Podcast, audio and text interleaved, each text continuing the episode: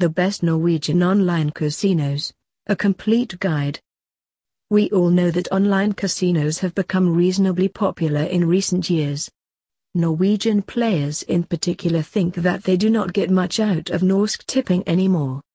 And it's not really that strange, is it?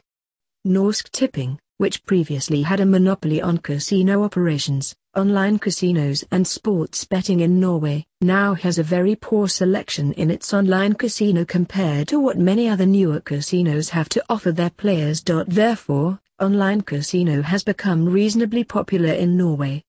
You break free from limited offers and have many different choices when it comes to online casinos.